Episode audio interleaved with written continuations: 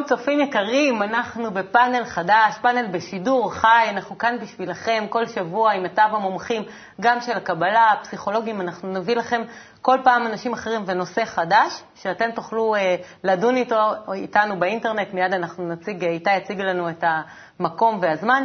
אה, היום אנחנו נדון בצרכנות נבונה. העולם היום צורך הרבה יותר ממה שהוא מייצר. והמשאבים מתכלים. ככה גם במשפחה שלנו, שהיא מיקרוקוסמוס, היא יחידת יצור קטנה, ואת זה אנחנו מרגישים, מה לעשות, כל יום. האוברדרפט, דברים מיותרים, חפצים שמגיעים אלינו הביתה, ועוד מגיעים הפרסומות בדיוק ברגע שאנחנו רוצים להפסיק לצרוך, והילדים שלנו דורשים עוד ועוד. נברר אם זה בכלל אפשרי, קצת לצמצם, לעשות משהו, צרכנות נבונה. איתי, על מה מדברת הכתבה? העלינו כתבה בעצם בפייסבוק שמדברת על אה, צרכנות נכונה. מה שמסופר בכתבה זה גם על אה, ניהול משק הבית, וגם אה, מסופר שם על תוכנית לימודית חדשה שיצאה, שבעצם נותנים לילדים בכיתה ג', ד', בעצם להבין מה לעשות עם הדמי כיס שלהם, מה זה תקציב בכלל, מה זה בנקים, מה זה ריבית. נותנים להם כל מיני כלים בעצם להבין את, וואלה, יש פה עוד משחק. שקוראים לו בעצם כלכלה נכונה. חוץ מזה שאומרים להם שהכסף לא גודל על העצים. כן, זה... מי איתנו? איתנו היום עדי נפתלי, את אה, יועצת ומנחת הורים.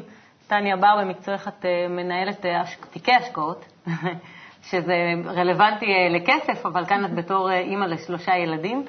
וניב נבון, אתה עורך תוכן חינוכי בקבלה לעם. ערב טוב. אז אנחנו רוצים לדעת למה זה קורה לנו כדבר ראשון. טוב, אנחנו נמצאים בתהליך אה, של התפתחות טבעי, שאנחנו, גם הרצון שלנו גדל, אנחנו צורכים יותר, אנחנו רואים את זה, וזה דבר שהוא אה, גלוי לעיני כל. ומרגישים את זה. ומרגישים את זה, בהחלט. ומעודדים את זה, זאת אומרת, מצד אחד האדם, הרצון שלו רוצה יותר ויותר, והוא אה, ככה יותר דורש מהחיים. ומצד שני גם החברה מעודדת את זה, רוצה, אה, מעודדת אותו לצרוך, אה, חברה של צרכנות, זה ידוע עד כמה החברה היא מעודדת ויכולה לעודד את הצרכנות אה, יתר אצל האדם.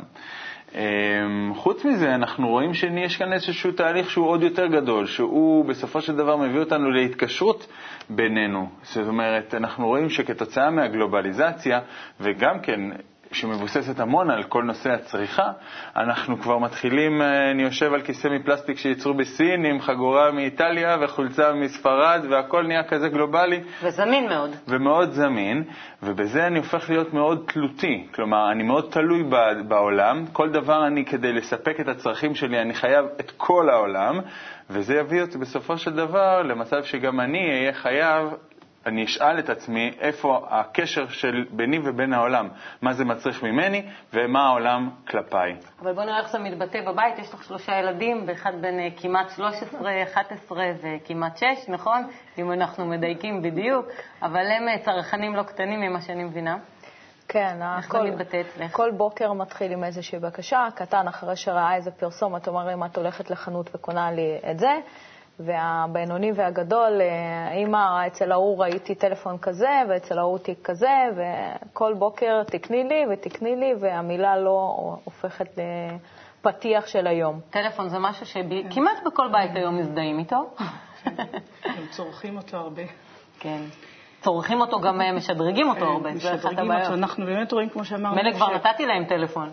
כן, אנחנו באמת רואים שזו תקופה שמתאפיינת בהמון שינויים ונורא מהירים, והטלפון של אתמול כבר לא, לא כל כך שווה כמו הטלפון שהם מייצרים מחר.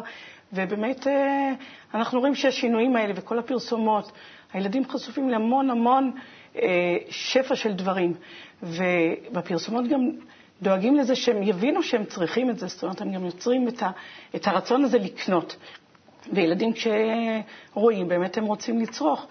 אנחנו רואים שכל הנושא של הצריכה המוגזמת שקיימת, באיזשהו מקום זה איזושהי אה, אה, נורמה חברתית כזו, שבסופו של דבר יוצא שבעצם החברה היא זו שבעצם מכתיבה מה אנחנו צריכים ומה אנחנו לא צריכים. ניב, אתה מסכים עם זה? לגמרי.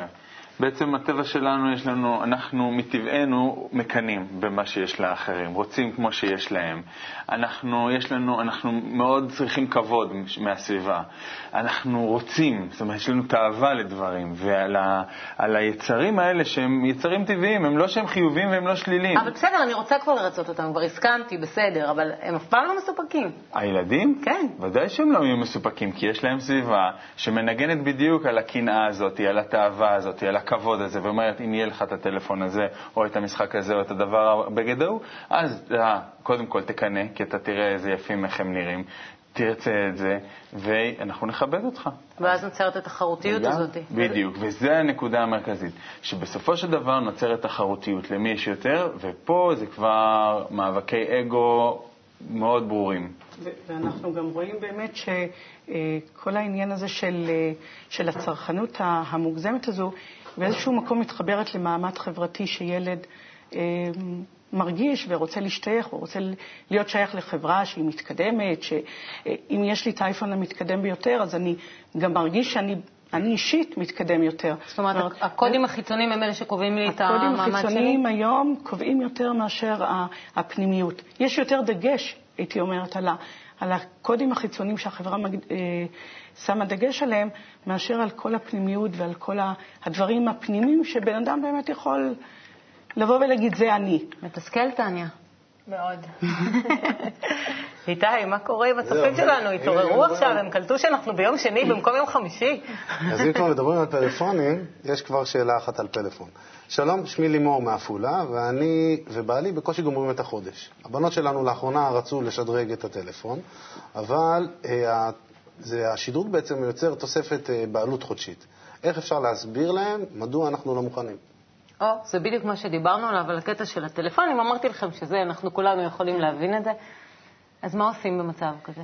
אה, אם אנחנו אה, מסתכלים רק על העניין של הטלפוניה, זה, זה כאילו לפתור איזושהי בעיה נקודתית, וזה באמת לא יפתור לנו את הבעיה שאנחנו נמצאים בה, כי אנחנו נפתור את הבעיה של הפלאפון ואז תצוץ בעיה אחרת.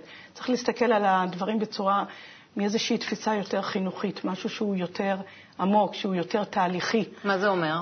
זה אומר שאנחנו צריכים אה, באיזשהו מקום להתחיל בגיל מאוד מוקדם, להרגיל את הילדים לאיזושהי צריכה נכונה, לחוסר בזבזנות, או ל, אה, לדעת מה באמת צריך ומה, לעשות איזושהי הבחנה בין מה אני צריך ומה אני רוצה, כי החברה אומרת לי שאני רוצה. טניה, זה נשמע לך אפשרי? אה, השאלה באמת איך עושים את זה, כי מה שאני מנסה לעשות בבית, כל ההסברים אה, מגיל הכי קטן, שכל פעם ניסיתי להסביר למה לא, ומה, ואמא ואבא עובדים קשה, ומביאים תקציב שהוא נורא נורא מוגבל.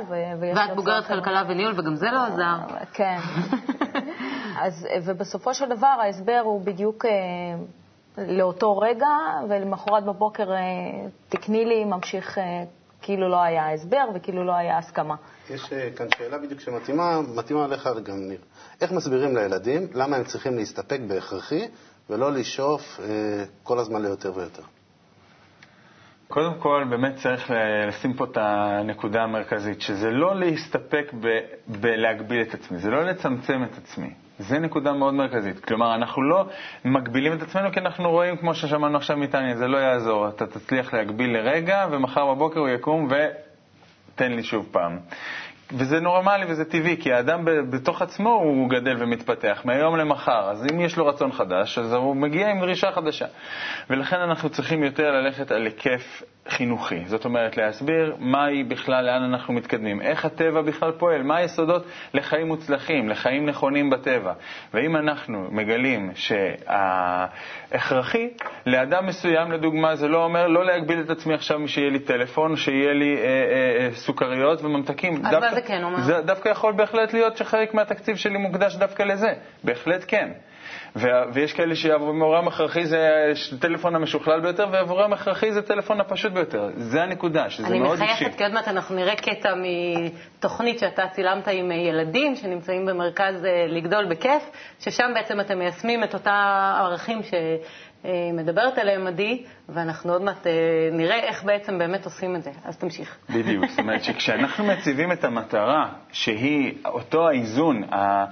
בואו נסתכל על הטבע. אנחנו באים אל הילדים ואומרים, בואו נבדוק איך זה בטבע, מה קורה שם. ושם אנחנו רואים שכשהחיה היא רעבה, ואפשר להראות על זה אלף ואחד סרטונים שנמצאים באינטרנט חופשי, שהיא רעבה אז היא אוכלת, וכשהיא שבעה אז היא, שהיא לא אוכלת.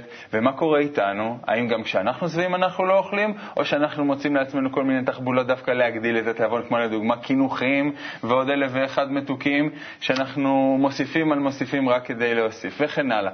ומפה אנחנו לומדים גם על הטבע. איך הטבע פועל, איך אנחנו פועלים. כלומר, אנחנו רואים שהטבע פועל בצורה שהיא הכרחית, ואנחנו פועלים בצורה שהיא יותר מ... מיותר, דורשים, צורכים יותר. אז מה אתה אומר, שבעצם אני, אני אבין מה זה ההכרחיות בשבילי? מה, ילד יבין מה זה הכרחי בשבילו, לבד, מעצמו, בלי שתגביל אותו? לא, לא, לא להגביל אותו בטוח שלא, אבל כן אני אסביר לו ואראה לו דוגמאות, וזה בעיקר. אני אראה לו דוגמאות קודם כל בדוגמה אישית, אני אראה לו דוגמאות ועוד יותר מהדוגמה האישית שאני אתן לו, וזה החשוב ביותר, זה הדוגמה מהסביבה. זאת אומרת, עד כמה שאפשר ליצור כזאת סביבה סביבו, של ילדים כמוהו, של תוכניות טלוויזיה, של משחקי מחשב, של כל הדברים שנמצאים, שבאמת קרובים לו ואליהם הוא מקשיב הרי יותר ממני כהורה, הוא מקשיב יותר לחברים שלו, ומהם הוא לוקח דוגמה יותר. אז קודם כל הדבר הזה, ואם אנחנו יוצרים סביבו את הדבר הזה, אז בהחלט זה יבוא לו כצורה טבעית, זה לא יבוא לו כהגבלה. זה הנקודה, זה לא יבוא לו כאילו משהו שעוצר את עצמו. אני, אני אוסיף על הדברים שניב אומר, שבאמת, אם אנחנו מחנכים את הילדים לאיזושהי ביקורתיות, לאיזושהי חשיבה ביקורתית, לעשות סדר עדיפויות, מה אני באמת צריך, מה אני רוצה כי לחברים שלי יש, אה, להפעיל, זאת אומרת שהילדים, תהיה להם גם איזושהי אה, הפעלה של שיקול דעת, אז אנחנו באמת נגיע ל, ל, לדברים שניב אומר. זאת אומרת, שוב, אני חוזרת לעניין של החינוך. אנחנו, כל הדברים הם תהליכים, אין פה איזה משהו ככה, איזה תרופת פלא שעכשיו נעשה ככה, נגיד ככה וזה יפתור את הבעיה. אנחנו צריכים לשנות את כל התפיסה שלנו ברמה החינוכית ולראות מה אנחנו רוצים באמת, איזה סוג של חינוך אנחנו רוצים להנחיל. וללכת ככה לאורך כל הדרך על זה. אז אני לא יכולה להתאפק, ואנחנו אה, נצא ונראה קטע מתוך התוכנית אה, של ניב והילדים, ונחזור מיד. בואו ככה נברר מה אנחנו חושבים, מה אנחנו אה, מרגישים כלפי המושג הזה שנקרא כסף. נעשה את זה במשחק, משחק אסוציאציות. נגיד, אם היה לי מיליון דולר, הייתי, ועכשיו כל אחד יוכל להשלים בצורה אסוציאטיבית את המשפט הזה. אם היה לי מיליון דולר, הייתי, בבקשה. הייתי קונה מה שבא לי. אוקיי, עוד? בבקשה. הייתי קונה את כל כלי זמר. אה, הייתי קונה לעצמי וילה. הייתי עושה קניות ממש רציניות. קניות ממש רציניות. כן, פה בבקשה. כן. אה, הייתי קונה יאכטה. אם היה לי מיליון דולר, לא היה לי חסר כלום. הייתי מחלק את זה לכולם. או-אה. תגידו, כמה כסף אתם רוצים להרוויח שתהיו גדולים? חשבתם על זה? יצא לכם פעם לחשוב כמה כסף הייתם רוצים שתהיו גדולים? בבקשה, כמה כסף? כאילו, כמה שיותר כדי לקנות יותר מכשירים ודברים שכיף איתם. עוד בבקשה. כן, מה, כמה כסף היית רוצה להרוויח שתהיה גדול? מיליארד דולר לשעה. נגיד, אני, פעם אחת אני הולך לאיזה חנות ספורט, כל מה שאני רואה שם, אני, אני קונה איזה כדורגל, או, ואז אני הולך לאיזה חנות מחשבים, אני קונה לי איזה PSP, מחשבים, מחשבים, כל, כל מה שאני אוהב. מישהו רוצה לחלוק איתנו מה הכרחי עבורו ומה לא? כן, בבקשה. עבורי הכרחי זה כן. דמי כיס. ולא הכרחי זה חטיפים וממתקים, ולא הכרחי ללכת לבית הספר. לא הכרחי ללכת לבית הספר, ממש לא. כן, יעקב? בשבילי הכרחי זה ידע ולא הכרחי צעצועים בשקל. לא הכרחי זה ממתאים, השקעות שונים, אופנה, כאילו בגדים באופנה זה לא כזה הכרחי, אה, לעשן זה לא הכרחי, לישון יותר מספר שעות מסוים זה גם. בשבילי הכרחי זה אוכל, שתייה, בגדים, שינה, למידה לא בבית ספר, לנגן בכלי שנקרא כחון, ולא הכרחי זה חטיפים, ממתקים, מיצים, משחקים, מחשב, אלוהים ובית ספר. אז השאלה הבאה היא בעצם, מי גרם לנו לקנות את הדברים האלה, אם אנחנו לא צריכים אותם? כן, או, זה אני רואה, אתם מרגישים טוב. בבקשה. כל מה שבעצם אנחנו קונים זה מהשפעת הסביבה, ומזה מתפתח לי הרצון לקנות את זה. תסביר דוגמה. אה, למשל, אני רואה שלכולם יש פלאפון, אז גם אני רוצה. אהה, אוקיי, הלאה, בבקשה. בגלל שהם רוצים כסף, למשל פרסום. זה אהה, אוקיי, בסדר גמור. והשאלה הבאה היא, האם אתם חושבים שהתופעה הזאת היא חיובית או שלילית? חיובי או שלילי? אה, שלילי, בגלל שזה לא מה שאני צריך ומה שלא צריך, אין לי טעם לקנות את זה. אה, בסדר גמור. תודה רבה. מה זה סביבה מתאימה? מה נכתוב שם? סביבה מתאימה היא? סביבה מתאימה היא סביבה שלא לא קונה יותר מדי דברים, כמו אני רוצה מכונית, אז אני אקנה דווקא את הכי משוכללת עם גג נפתח נסגר, במקום את הכי פשוטה עם שתי מקומות. למשל, לא לפרסם איזשהו פלאפון שיודעים שאני לא צריך, אלא לפרסם פלאפונים שהוא רגיל ושיודעים שכולם צריכים. לקחת את מה, לפי הכרחיות, לא להגזים בטירוף ולקנות את כל מה שיש בעולם. תודה שחזרתם אלינו. אני שראיתי את הקליפ, זה פשוט אה, אמרתי, זה בדיוק מה שאמרת, אבל זה נשמע מפי ילדים שבסך הכל הם באמת מתעסקים עם משהו שהכרחי, לא הכרחי. ניהלת איתם דיון, תספר לנו קצת על זה. כן, אה, זה בעצם היו אה, שתי תוכניות שבהן דנו על אה, כסף ודיברנו ברמה כמה שיותר ככה מהחיים שלהם, מה כן, מה לא, מי משפיע עלינו. שוב, על ידי שיטת הדיון אנחנו משיגים המון המון, והיה שם עוד איזה נושא מאוד מעניין, שנאמר אחד הילדים ככה בסוף התוכנית, אחרי שכבר כל הילדים כבר היו באיזושהי דעה אחידה, שצריך כמה שצריך כסף, כמה שצריך ולא כמה שיותר. והוא פתאום קם ואומר, לא, צריך כמה שיותר, כי כך וכך יהיה לי יותר, וככה אני מרגיש, וזה האיזון, וזה, וזה הנכון בטבע. ואחרי כן עשינו משוב, זאת אומרת, זה גם כן נקודה מרכזית. ודרך אגב, הורים יכולים לעשות את זה גם בבית. אני לדוגמה עושה את זה בבית עם הילדים שלי. אנחנו עושים את הדיונים האלה, פותחים את הדברים פשוט. על ידי זה אנחנו נכללים, אנחנו קולטים דעות חדשות, אנחנו מתפתחים מזה המון על ידי הדיונים האלו, ואפילו לצלם את זה, ואחר כך לראות את עצמנו בצילום, שזה בכלל עולם אחר. זאת אומרת, פתאום הוא רואה את עצמו, אחרי דיון שלם, שכולם אומרים צריך כמה שצריך, פתאום הוא קם ואומר לא, צריך כמה שיותר. ובדיון, אחר, במשוב, אומרים לו, איך אמרת ככה? כאילו, מה, מה חשבת? ופתאום הוא אומר, אתם יודעים מה? אני לא מאמין שאמרתי כזה דבר. פתאום, כי, ואז הוא מתאר את כל התהליך. איך במהלך הדיון. ממש מסתכל על עצמו כן, מהצד. מסתכל על עצמו מהצד, ואומר, פתאום אני חושב כמה שצריך, פתאום אני חושב כמה שיותר, והוא ממש מושפע מהסביבה תוך כדי הדיון, זה כלי אדיר. טניה, אפשר לקחת כזה דבר הביתה? אה, אני כבר רושמת לי במוח מה אני הולכת לעשות בבית. השאלה אם באמת אה, פערי גילאים אה, זה משהו ש, שיכול לעבוד גם, גם אצלם, בנים, בנות ביחד, אפשר לעשות את זה בקבוצה קטנה, גדולה קצת יותר מהמשפחה, אפשר ליישם את זה גם ב... במסגרות אחרות? עם היחס למשפחה כאל מיני חברה קטנה שיש בה כן, כמה גילאים. כן, דווקא במשפחה אפשר ודאי לעשות את זה, מאחר וזה כבר איזה משהו שהוא די הומוגני.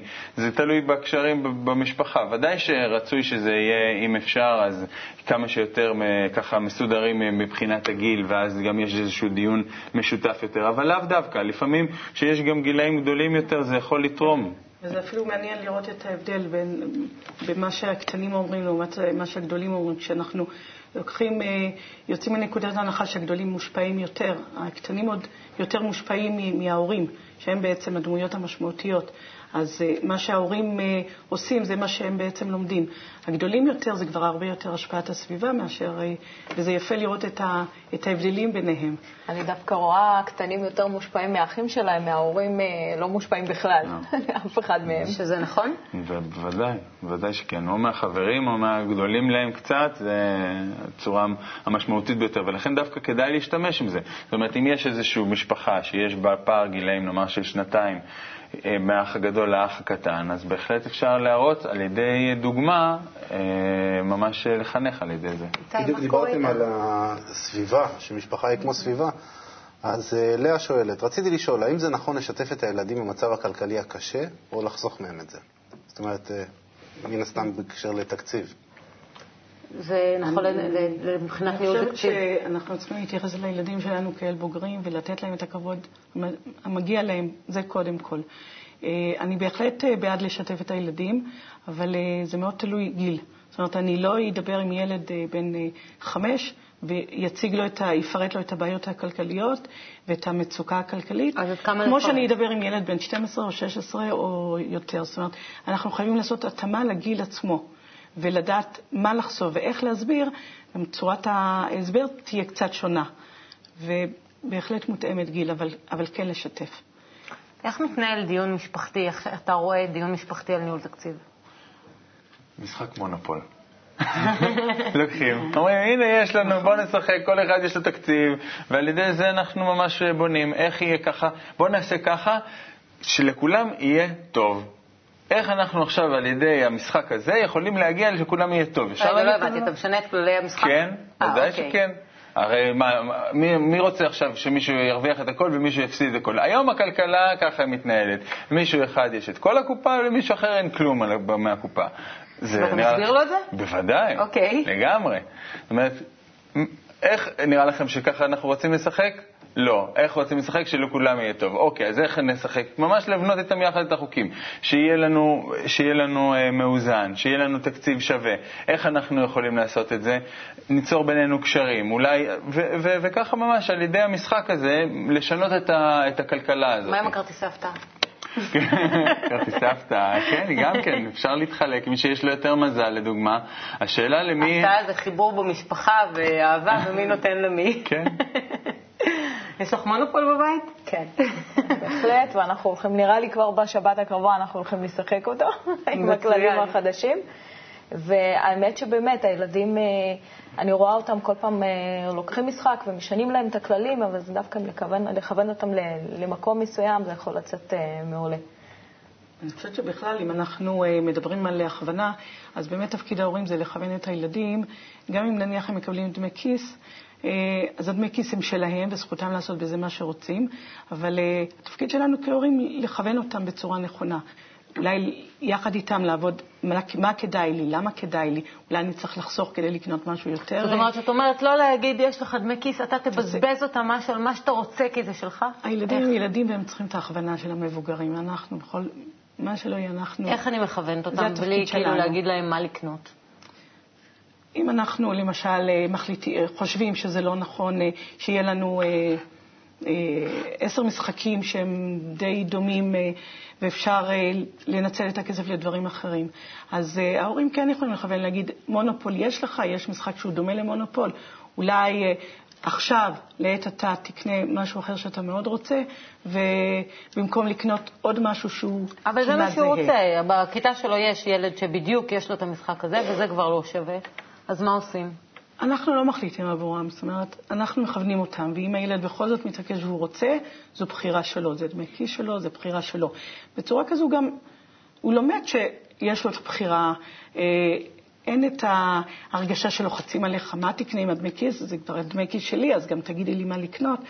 אנחנו צריכים מאוד כל הזמן לשחק בין לשחרר את החבל, ו- ויחד עם זאת להגביל אותו ולכוון. להרגיש שהוא אה, שהוא חושב זה, ש... ושהוא זהו מכוון. זה שמחליט. אם אנחנו מכוונים נכון, הם בדרך כלל גם עושים את הבחירות הנכונות. השאלה אם אה, דמי כיס זה משהו שבכלל נחוץ, אם, אם אנחנו כל הזמן מכוונים אותם וגם אומרים להם פחות או יותר מה, מה לקנות עם זה, השאלה אם, אה, אם צריך בכלל דמי כיס, או שאנחנו כבר יושבים ודנים על התקציב, ובחלק מהתקציב זה גם כמה אנחנו נקנה צעצועים וכמה אנחנו נקנה בגדים ו- וכל הדברים האלה. יש להם צורך שיהיה להם באיזושהי מידה כסף. דמי כיס זה נותן להם איזושהי תחושה של עצמאות, של אני מחליט, אני קובע, ההורים לא קובעים רק בשבילי, או... זה, זה פינה כזו שלי שמותר לי לעשות בזה מה שאני רוצה, ודרך זה הם לומדים גם הרבה מאוד ערכים של אה, דחיית סיפוקים למשל. אין לי מספיק כסף כדי לקנות משהו שאני מאוד רוצה ועולה יקר, אז אני אחכה עוד חודש, יהיה לי יותר כסף. אני אקבל מהסבתא, אני אקבל פה ליום הולדת, ואז אני אוכל לקנות. אז אנחנו בעצם מלמדים אותם את הערך של דחיית סיפוקים, של ויתור. זאת אומרת, אנחנו מרוויחים דרך זה עוד הרבה דברים בדרך, ש, שזה בהחלט... אה, מה אתה חושב על דמי כיס? דמי כיס, קודם כל אני חייב להגיד על ה... אני חייב לצופים את העניין הזה עם המונופול, אני אדאג לשלוח לאיתי וגם מפרסם ב... בפייסבוק פייסבוק. שלנו את ה... יש כתבה מאוד טובה שכתבה פעם מרגלית ונטורה, שם היא מציגה איך היא שיחקה עם הילדים של המונופול בחוקים חדשים, אז תיכנסו לדף שלנו בפייסבוק וזה יהיה מצוין, אתם כמה. הולכים לקבל גם הוראות אה, ממש, הוראות, משחק חדשות. אמ, לגבי דמי כיס, גם כן. זאת אומרת, צריך להסביר. אם אנחנו רוצים להיות באיזון, ואיזון זה שאנחנו נמצאים דווקא במטרה של להיות בהדדיות, בשיתוף אחד עם השני, כמו שאנחנו רואים שהטבע פועל ככה. ניקח דוגמה, ושוב, רק על דוגמאות. להראות להם מהחיים, איך בגוף האדם, גוף האדם פועל לדוגמה, איך הוא פועל, הנה יש לב, הנה יש ריאות, רגליים, מעיים, הכל, הכל, הכל. כל, כל איבר כזה פועל בצורה שהוא מקבל מה שהוא צריך מהגוף. כל אחד צריך מהגוף משהו שונה, יכול להיות אחד מקבל הרבה, אחד מקבל פחות, זה לא משנה, כמה שהוא צריך. ו...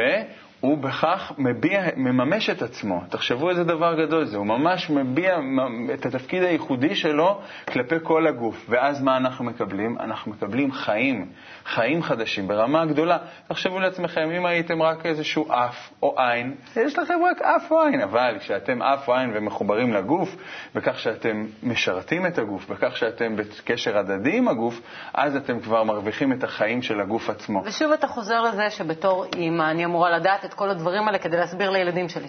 לא, את אמורה לצפות בערוץ 66 ולקבל את כל ההסברים האלה משם, ואז לדעת להסביר לו את זה, ודאי. עדיין, בזבוז. זה כאילו דמי כיס, המטרה שלהם לבזבז אותם. לא משנה אם זה לחסוך אותם עוד קצת ועוד קצת ואז לבזבז אותם, אבל זה בזבוז. זה לא בזבוז, זה דווקא, אם את, אז אתה בדיוק מנחיל את, את הערך של ההכרחי, ואז אתה רושם, אפילו יכול לעשות טבלה, כן? הילדים בקליפ עכשיו הם הקריאו, עשינו את כזה משחק. בואו נרשום מה, הכרח, מה הכרחי עבורי, כלומר מה אני צריך ומה אני רק רוצה. ואז אנחנו עושים טבלה, ואני נותן לו פה חופש בחירה. אתה אמרת שזה הכרחי עבורך? זה הכרחי. אני לא נכנס נו נו נו, גלידה זה לא הכרחי. למה גלידה זה לא הכרחי? בטח שעבורי זה הכרחי. זה מה שעדי אמרה לפני, שצריך אה, לעורר חשיבה. לעורר חשיבה, וגם אם אנחנו לוקחים למשל את המילה בזבוז שאמרת, שיש לזה איזושהי קונוטציה לא כל כך טובה, שאנחנו, זה, זה כאילו אוטומטית משהו שאנחנו לא צריכים. אם אנחנו, אפילו את זה נשנה, אנחנו נגיד, אנחנו לא מבזבזים, אלא אנחנו צורכים נכון, אז גם מבחינת המחשבה זה כבר נתפס אחרת. זאת אומרת, לפעמים אפילו בסמנטיקה הזאת אנחנו יכולים לעשות את השינוי הקטן. אז זה, זה באמת עניין של איך אנחנו מסתכלים על הדברים. יש כאן עניין מגמתי דק, אבל הוא מאוד חשוב. אנחנו לא מגבילים איך אנחנו מצמצמים את עצמנו, אלא לאן אנחנו שואפים. אנחנו רוצים להיות באיזון, כמו, ממש בקו אחד, כמו החוקים של העולם, שהם בקשר הדדי אחד עם השני, וגם אנחנו רוצים להיות בהתאמה אליהם.